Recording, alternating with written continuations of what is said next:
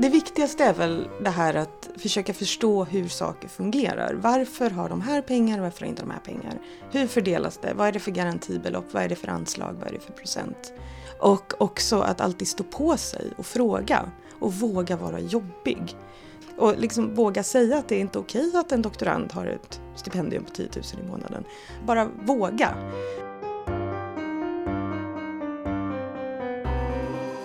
Du lyssnar på Åkeripodden, en podd om forskningens villkor. Jag heter Nathalie von der Lee och i det här avsnittet träffar vi Moa Ekbom, lektor i latin vid Göteborgs universitet, som berättar om sitt engagemang för forskningspolitik. Moa, du får presentera dig själv. Jag heter Moa Ekbom, jag är lektor i latin vid Göteborgs universitet. Jag har ett förflutet inom såväl fackligt som studentfackligt engagemang för doktorander och jag hade även den stora glädjen att få sitta i regeringens forskningsberedning inför forskningsproppen. Hur kommer det sig att du kom in i den här forskningspolitiska banan? Det hänger väl ihop med det som gör en till forskare. Jag har alltid varit nyfiken på hur saker fungerar och varför de fungerar och hur de ser ut. Så det började ju med att man satt som doktorandrepresentant i fakultetsnämnd och institutionsstyrelse och sådär. Och började klura på men varför hamnar de här pengarna här och de här pengarna här? Och varför gör vi på det här sättet? Och man så ofta fick svara ja men det vet vi inte. Eller det har alltid varit så. Och så börjar man skrapa i det här för att det är väldigt utmanande för en forskarhjärna att ta reda på varför saker är på ett visst sätt. Och där klättrade mitt intresse då kan man säga fler och fler nivåer upp. För att det, det pekades ju alltid upp, jo men regleringsbrev säger att och så vidare och så vidare. Så till slut hamnade jag på nationell nivå, framförallt i doktorandfrågor där. Just på grund av ren och skär nyfikenhet och en envis vilja att förstå varför saker är på ett visst sätt. Så du engagerade dig fackligt redan som doktorand. Kan du berätta lite vad du har gjort där? Framförallt var det studentfackligt, alltså kårmässigt, där jag blev ganska hårdrekryterad av en man som heter Martin Dackling som tyckte att jag hade potential och drog in mig i det här. Och vi hade väldigt roligt i flera år, framförallt inom eh, SDF, alltså Sveriges förenade studentkårers doktorandkommitté. Vi gjorde mycket intressant, försökte lyfta olika frågor, framförallt om utländska doktorander och viseringar och liknande och framförallt bara strukturera upp en bättre verksamhet med doktorandrepresentation. Därigenom blev jag indragen kan man säga i SULF och blev till slut först vice ordförande och sen ordförande för deras eh, doktorandförening, Sveriges doktoranders förening, eller SULFs doktorandförening tror jag den heter numera. Och där drev jag väl liknande frågor. Där handlade det också om bara att få lite struktur på verksamheten och förstå lite hur den fungerade och se så att vi positionerade oss inom SULF men även där lyfte vi frågor om till exempel viseringar av utländska doktorander. Och det första steget i arbetet med frågor som rör utländska doktorander var att skapa en medvetenhet att det faktiskt finns problem. För jag kommer mycket väl ihåg när just jag och Martin skulle lyfta den här frågan för första gången med någon migrationstjänsteman. Och de hävdade att nej men det här är inget problem. Och vi sa jo det är det, så här ligger det till. Och vi kunde det här bättre då helt enkelt. Men ja, medvetenhet och sen just att de eh, studenter, eller doktorander snarare, som har hamnat i kläm med det här har börjat organisera sig själv i större utsträckning själva och det är vi väldigt stolta över. Och till exempel STF har fått en, en större doktorander från utlandet representation, vilket jag också är väldigt, väldigt stolt över det var en av sakerna som hände under min tid till viss del. Det var andra också, verkligen inte bara jag. Just att vi översatte mer material till engelska så det skulle vara mer tillgängligt. Kan du ge ett exempel som ni jobbade med? Det handlade mycket om det här att du är som doktorand på ett studentvisum. Och det är ju väldigt komplicerat för att det är ju ett år. Så du måste hålla på och tjafsa och förnya hela tiden. Och du är även väldigt mycket i händerna på eventuell överordnad. Så säg att det inte fungerar så kan du åka ut ganska snabbt. Och du kan, det kan bli väldigt knepigt just med att ha med respektive eller barn. Eh, och har du då med till exempel respektive så är det mycket möjligt att din respektive inte får jobba. Det är en uppsjö problem, verkligen. Och jag har träffat på lite för mycket sorgliga historier här. Moa Ekbom disputerade 2013 och fick därmed också lämna posten som ordförande för SULFs doktorandförening SDF. Hon tog en liten paus från både forskningen och forskningspolitiken. Men när hon precis hade börjat jobba igen kom nyheten att de svenska medelhavsinstituten skulle stängas. Hon har tillbringat en hel del tid vid Svenska Medelhavsinstitutet i Rom för att forska om hur den romerska nationalpoetens Publius Vergilius verk har använts under senantiken, flera hundra år efter att han levde. Moa har särskilt studerat ett verk som heter Historia Augusta, en ganska obskyr text enligt henne. Besöken vid Medelhavsinstitutet i Rom har varit och är fortfarande helt avgörande för hennes forskning. Därför blev hon väldigt engagerad och driven i att bilda opinion runt varför Medelhavsinstituten skulle vara kvar. Och återigen var frågan, hur blev det så här viktigt? Vad var det som hade gått fel? Det uppdagas ju ganska snart att utbildningsdepartementet egentligen inte alls var så intresserad av att strypa de här. Och då försöka hitta vad som hade hänt, vad det hade gått fel i budgeten på detta sätt.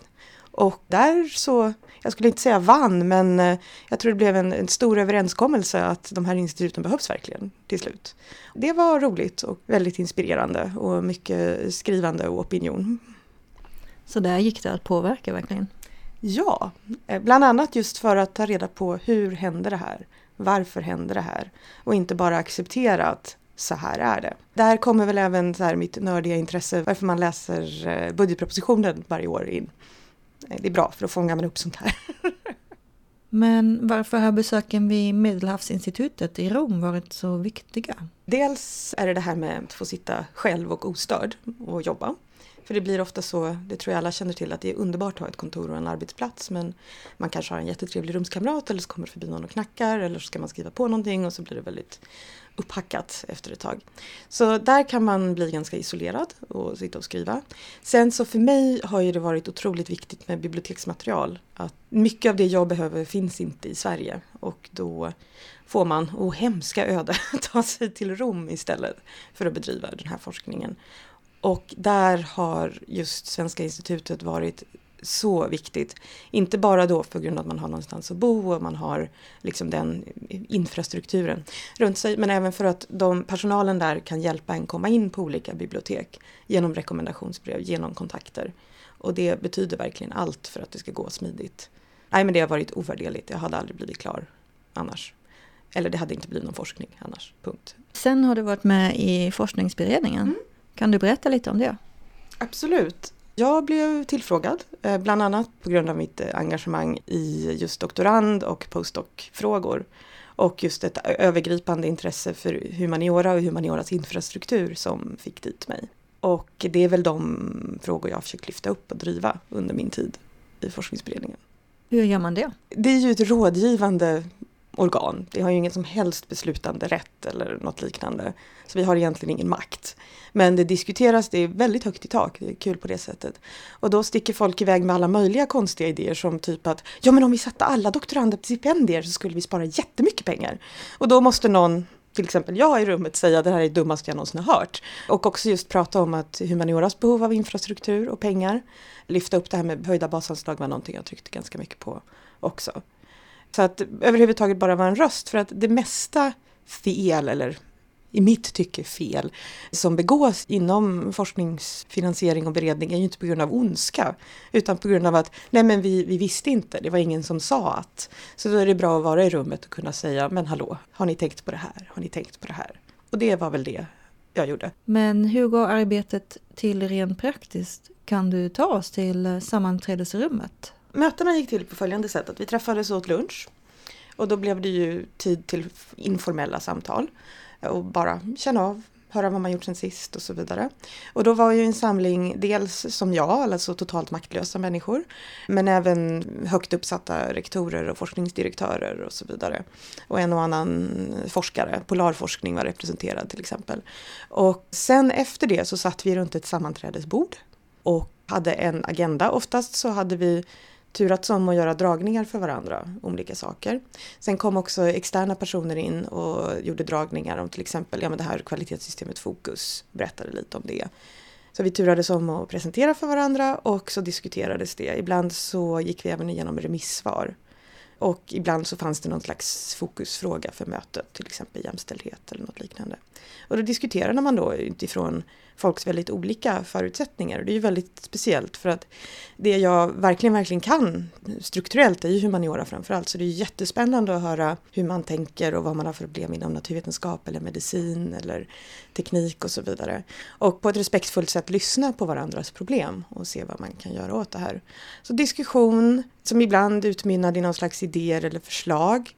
Men mycket ett rent bollande helt enkelt och försöka skapa en, en helhetssyn och förståelse för forskningsfinansiering och dess strukturer. Och just den förståelsen är också det viktigaste inom forskningspolitiken och det fackliga arbetet, tycker Moa Ekbom. Det viktigaste är väl det här att försöka förstå hur saker fungerar. Varför har de här pengar och varför har inte de här pengar? Hur fördelas det? Vad är det för garantibelopp? Vad är det för anslag? Vad är det för procent? Det är inte så svårt. Till och med jag kan lista ut och jag kan knappt lösa en sudoku för jag blir så stressad av siffrorna. Till och med jag kan liksom lära mig det här, då kan alla det, banne mig. Och också att alltid stå på sig och fråga och våga vara jobbig. Därför att det är ju det baksidan av det kollegiala och jag vill bara liksom, som en utvikning säga att jag är jätteför kollegialt styre och så vidare. Men att det blir lite lätt en, en lite tystnad och konsensuskultur där man inte ska irritera varandra. Och liksom våga säga att det är inte okej att en doktorand har ett stipendium på 10 000 i månaden. Bara våga. För som jag sa tidigare så ofta är det inte av ondska som dåliga strukturer har skapats. Utan för att ingen ork har orkat påpeka eller ta tag i det. Så vara jättejobbig. Och även om det är jobbigt just då så är väl jag ett levande exempel på att det kan gå ganska bra i alla fall. Man är liksom lite skyldig i sig själv och akademin om man vill att det ska bli bra för forskning att hela tiden sträva mot en slags rättvisa och ifrågasättande. Nu har det ju hunnit gå några år sedan du disputerade och du har fått en ny roll som lektor. Vilka frågor tycker du är viktiga att lyfta? Jag brinner ju faktiskt fortfarande för doktorandfrågorna. Att där kan man ju tycka, men herregud, du är inte doktorand längre. Men å andra sidan så är jag ju liksom väldigt intresserad av Sverige som en stark forskningsnation. Och det börjar ju med doktoranderna någonstans. Och det är också ett kanske lite barnsligt rättvisetänk att varför ska vi behandla de här annorlunda än andra forskare? För doktorander är forskare. Så där brinner jag väldigt mycket för. Sen så har jag väl börjat tänka mer och mer och intressera mig för postdoc och deras situation och de, de konstiga strukturer och regler och ganska speciella förhållanden som råder för dem. Och där också eh, utländska postdocs. Problemet, de helt sjuka problem som kan uppstå när man vill till Sverige. Och då från ett, kanske inte så mycket annat EU-land, men låt säga USA. Och de jättekrångliga processer det innebär. Och jag förstår inte att universiteten inte driver det här mer gentemot regering och liknande. Att det ska bli enklare. Till skillnad från doktorander har postdoktorer ingen organisation i ryggen och är inte så välorganiserade. Det finns också mycket mindre regler. Det har alltid förvånat mig lite att det inte finns en egen facklig avdelning för till exempel postdocs eller forskare eller något liknande. De behöver ju dels synliggöras på ett sätt och också på lokal nivå kanske få en starkare organisation där de kan hjälpas åt. Men det är ju lite samma sak med doktorander, för doktorander var ju svåra att få engagera sig på grund av att de hade en begränsad tid. Men där var det ju ändå fyra fem år så att då kunde man få in folk i systemet. En postdoc är ett eller två år. Om de ska då hinna driva en fråga herregud, hur ska de hinna forska då? Eller ha ett liv eller något liknande? Så eh, det där är, ja, jag, jag har ingen lösning men eh, jag hoppas det ska ses över och jag hoppas man ska fundera på det här med stipendiefinansiering av postdockar. Och eh, överlag det här med tydligare karriärvägar är ju jättebra men jag tycker inte riktigt man har tagit upp det här postdoc-problemet. De, de hamnar ju i ett obehagligt mellanläge många gånger. Och just ett läge där det är så otroligt viktigt att bygga sin karriär du har ingenstans att vända dig om saker går verkligen åt helvete. Det finns ingen postdoc-ombudsman, tyvärr. Du bor i Göteborg nu men du är i Uppsala ganska ofta. Mm. Och eh, på söndagar gillar du att gå till Carolina Rediviva. Ja. Varför det? Jag har suttit på Carolinas Rediviva sedan jag gick i gymnasiet ungefär. Jag trivs så himla bra där och jag har alltid suttit i C-salen. Alltid. I, vad blir det, 20 år snart. Och nu är ju den helt ombyggd och ser annorlunda ut men jag sitter fortfarande där. Så man vet var man hittar mig också, vilket är bra om någon vill dricka kaffe. Och framförallt det är lugn, det är lugn och ro, man kommer hemifrån, man gör någonting annat. Jag brukar ofta försöka vara ledig i lördagar och sen kanske ta mig an forskning och undervisningen på söndagar. Och då är Carolina ett bra ställe att gå upp till. Och det är ju fortfarande min största lycka nu att det har blivit söndagsöppet på Carolina. Nu är ju det några år sedan. Men det var ju en, också en sån här fråga jag har drivit i min ungdom. Jag känner att nu är det söndagsöppet där, nu måste jag gå dit. Även om jag inte bor här längre så får jag banne mig ta mig från Göteborg till Uppsala för att gå på det söndagsöppna biblioteket. Och det är ju fullt. Det är ju så mycket ungdomar där så det är alldeles fantastisk miljö. Och det är ganska roligt att sitta bland folk som gör något annat än en själv och hålla på med sitt forska. Och man kan ju tjuvlyssna på de mest intressanta konversationer. Speciellt på en söndag när alla har varit ute och, och, och, slagit runt på, på lördagen innan. Vem som fick hemsläp och vem som kräktes och sådär. Så söndag på Carolina, bästa, bästa dagen rekommenderas. Jag tänkte vi kanske kan gå dit och titta lite. Ja, det låter roligt. Bra, då kan vi gå till Carolina. Det gör vi det. Var är vi just nu? Nu är vi längst upp i öppen samling. Alltså där man får hämta böcker själv. Böcker som är inköpta början av 90-talet och framåt på Carolina Rediviva. Och det är lågt i tak. Det är gamla pelare och bjälkar och järn och, och lås och konstigheter här. Och eh, här som sagt finns eh, samlingar jag är intresserad av som latin och grekiska. Men det är inte det vi ska titta på utan vi ska titta på utsikten. Det står avstängt, men vi smyger. Så har man ju liksom Uppsalas bästa utsikt här egentligen. När man kommer upp och så längst in i öppen samling, våning 9 och fram till fönstret så ser man nästan till Stockholm känns det som. Och man, man kommer nog inte högre än så här i Uppsala heller, tror jag. Så man är allra högst upp, kan se ner på alla andra. Det är spännande.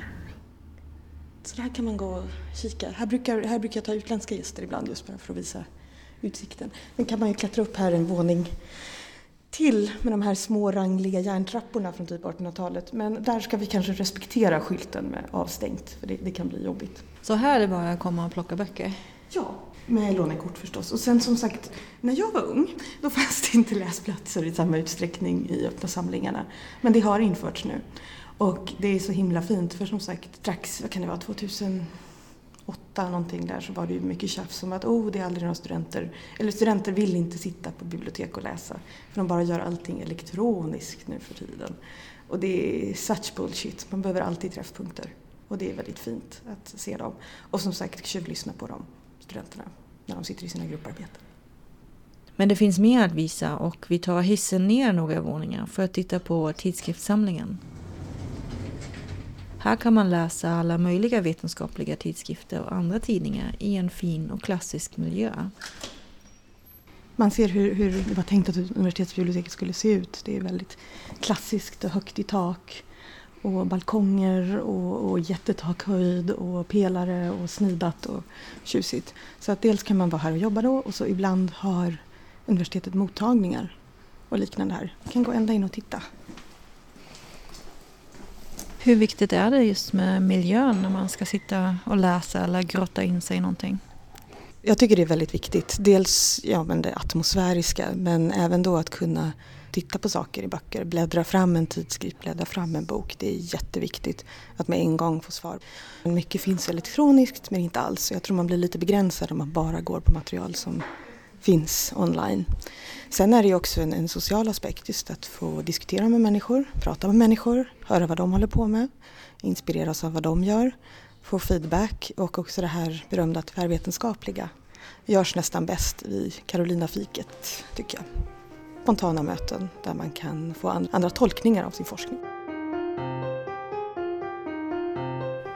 Du har lyssnat på Curie-podden, en podd om forskningens villkor jag som har intervjuat och gjort det här programmet heter Nathalie van der Lea.